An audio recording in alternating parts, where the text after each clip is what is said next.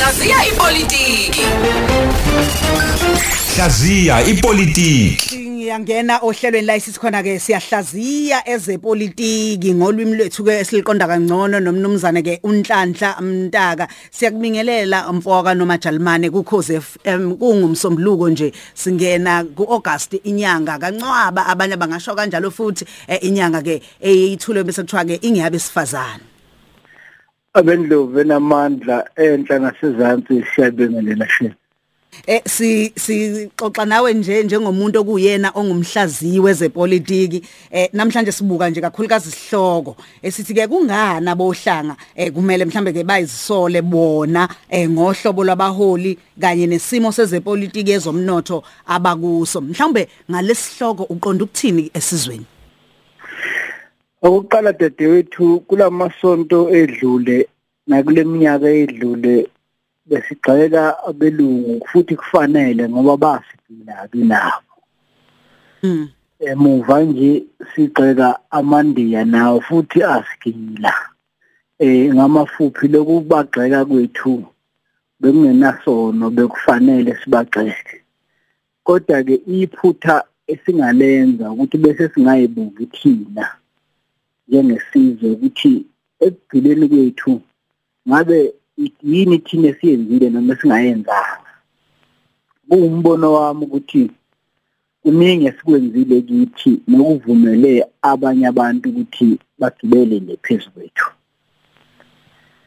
Umlaleli ake kayibuze nje ukuthi uma befika belungu lelizwe efika namandiya kulelizwe babe bancane kangakanani ngesibalo? Yini leyenza bohlanga abazali bethu bavume ukugovuzwa babuswe ngabantu ababengahlanganisi ababengahlanganisi isifundazwe sodwa nezibalo zabo.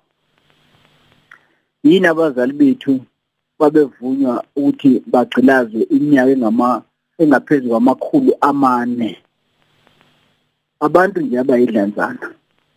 Uzothi omunye babe nezikhali la engasiqeda sonke lezo zikhali uzothi omunye babe nezikole ezazi ezazisilungisa lapha emakhanda umbuzo ukuthi babe ngekho yini into ababehlakaniphile kona zenkolo umbono wami ke uthi dadewethu izehlakalo esingazibalula lapha bohlanga bephansi begilwa izizwe ezinye nabo bayelimaza kanjani na?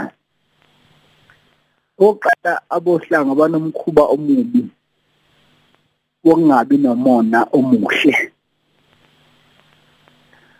Abenkolo yobusulumane banomona omuhle engiwuthandayo othi ngeke siyithenge into yakho ngoba ayinawo halali asukele nje imvu bayenze imikhuba yabo nenkolo yabo bese bethi wena ungadayiselwa noma wena ungathengwa kuwo ngoba ayinawo halali umoya umona omuhle loyo.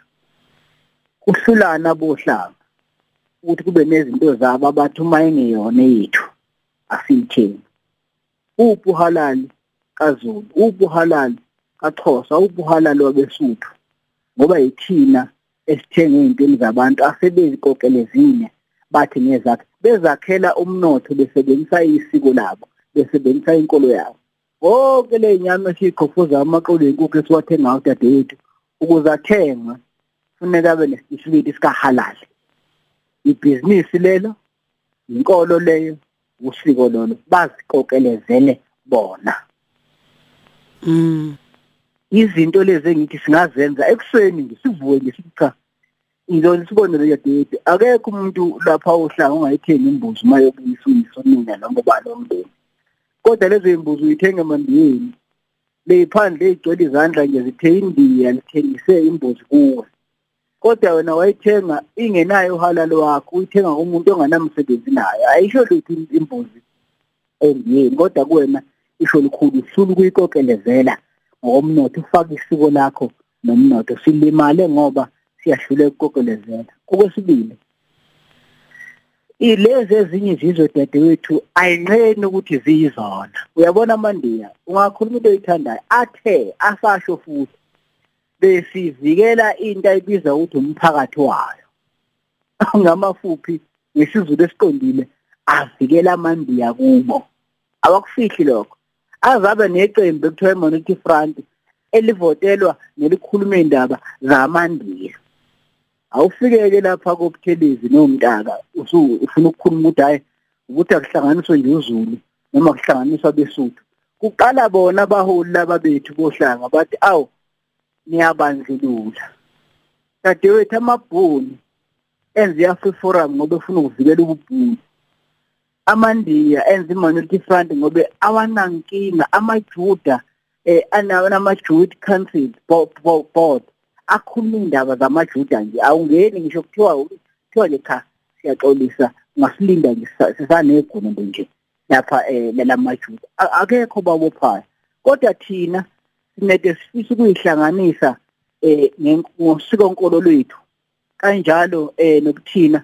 Bese kusukuma bona laba bakithi basibize ngento ekuthiwa South Africa abelungu bayazi ukuthi kuno South African kodwa bayazi kunabelungu. Amandiya ayazi kuno South African kodwa ayazi ukuthi kunamandiya. Yike ibiza ngamandiya esese Africa nje awayibizi ngokunyatha amandiya.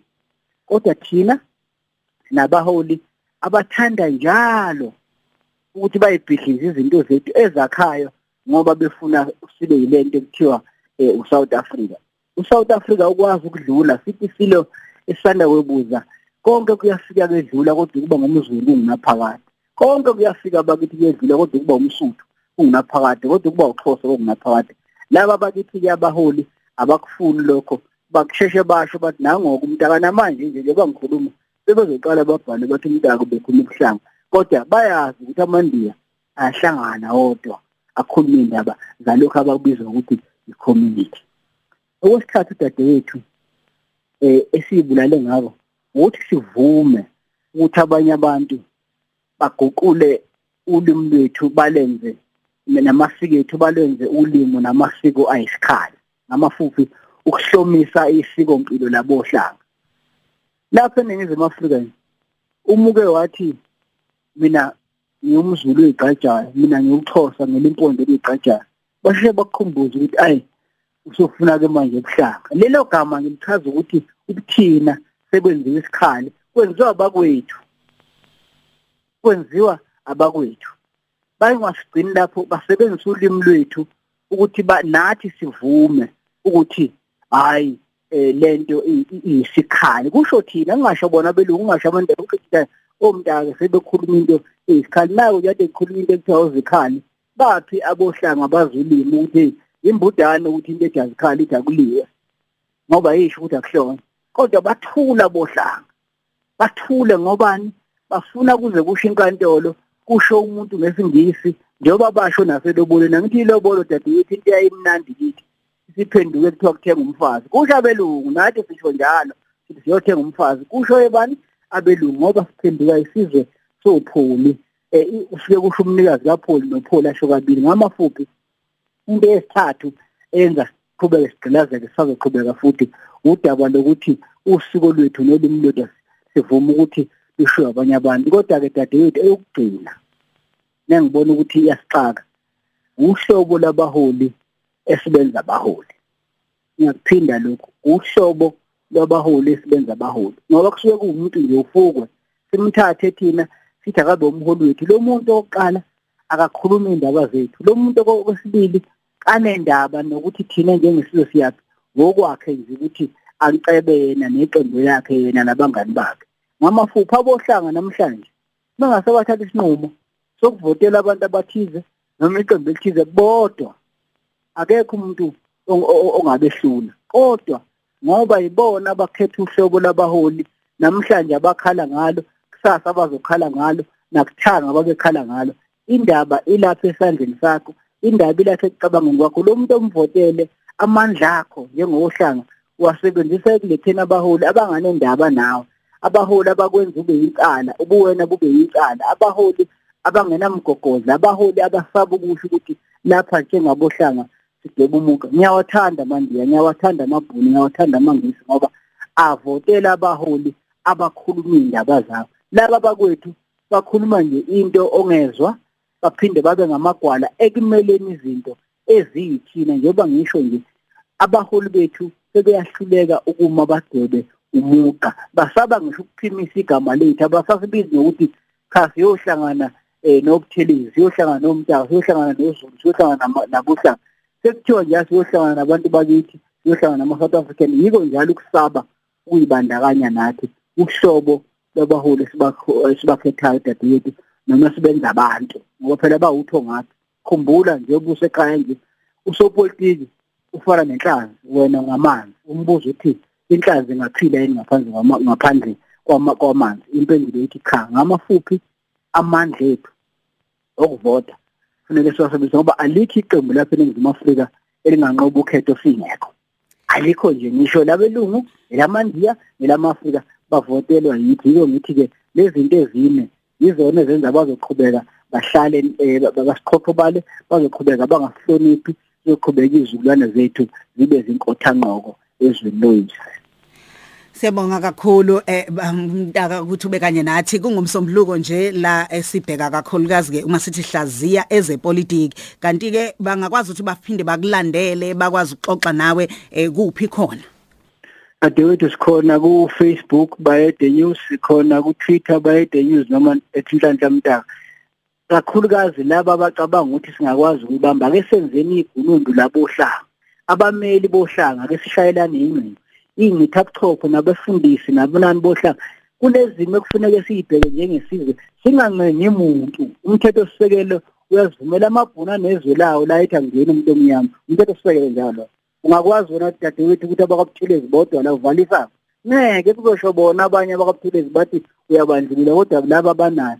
iChatsworth iPhoenix izinto zabo. Ngisho ngabashaya ngisho ngababopha ngisho ngabathuka izinto zabo. Bayayiqoqelezela uhala lwabo asenzeni wethu nathi uhalala abafuna sikwenze lokho asithintane dadewethu. Sekuyisikhathi bethi ngoba izizukulwane zethu ziyosithuka ukuthi sahlulwa abantu abangaka ngisayisho namanje. Buzibuza ukuthi basihlula kanjani abelungu? Bengona ngisho 6% sibaningi kangaka. Asihlula kanjani amandiye ngawona ngisho 3% sibaningi kangaka? Indaba isemqondweni indaba isekwenzeni indaba ikubaholi bethu Hlaziya ipolitiki. Hlaziya ipolitiki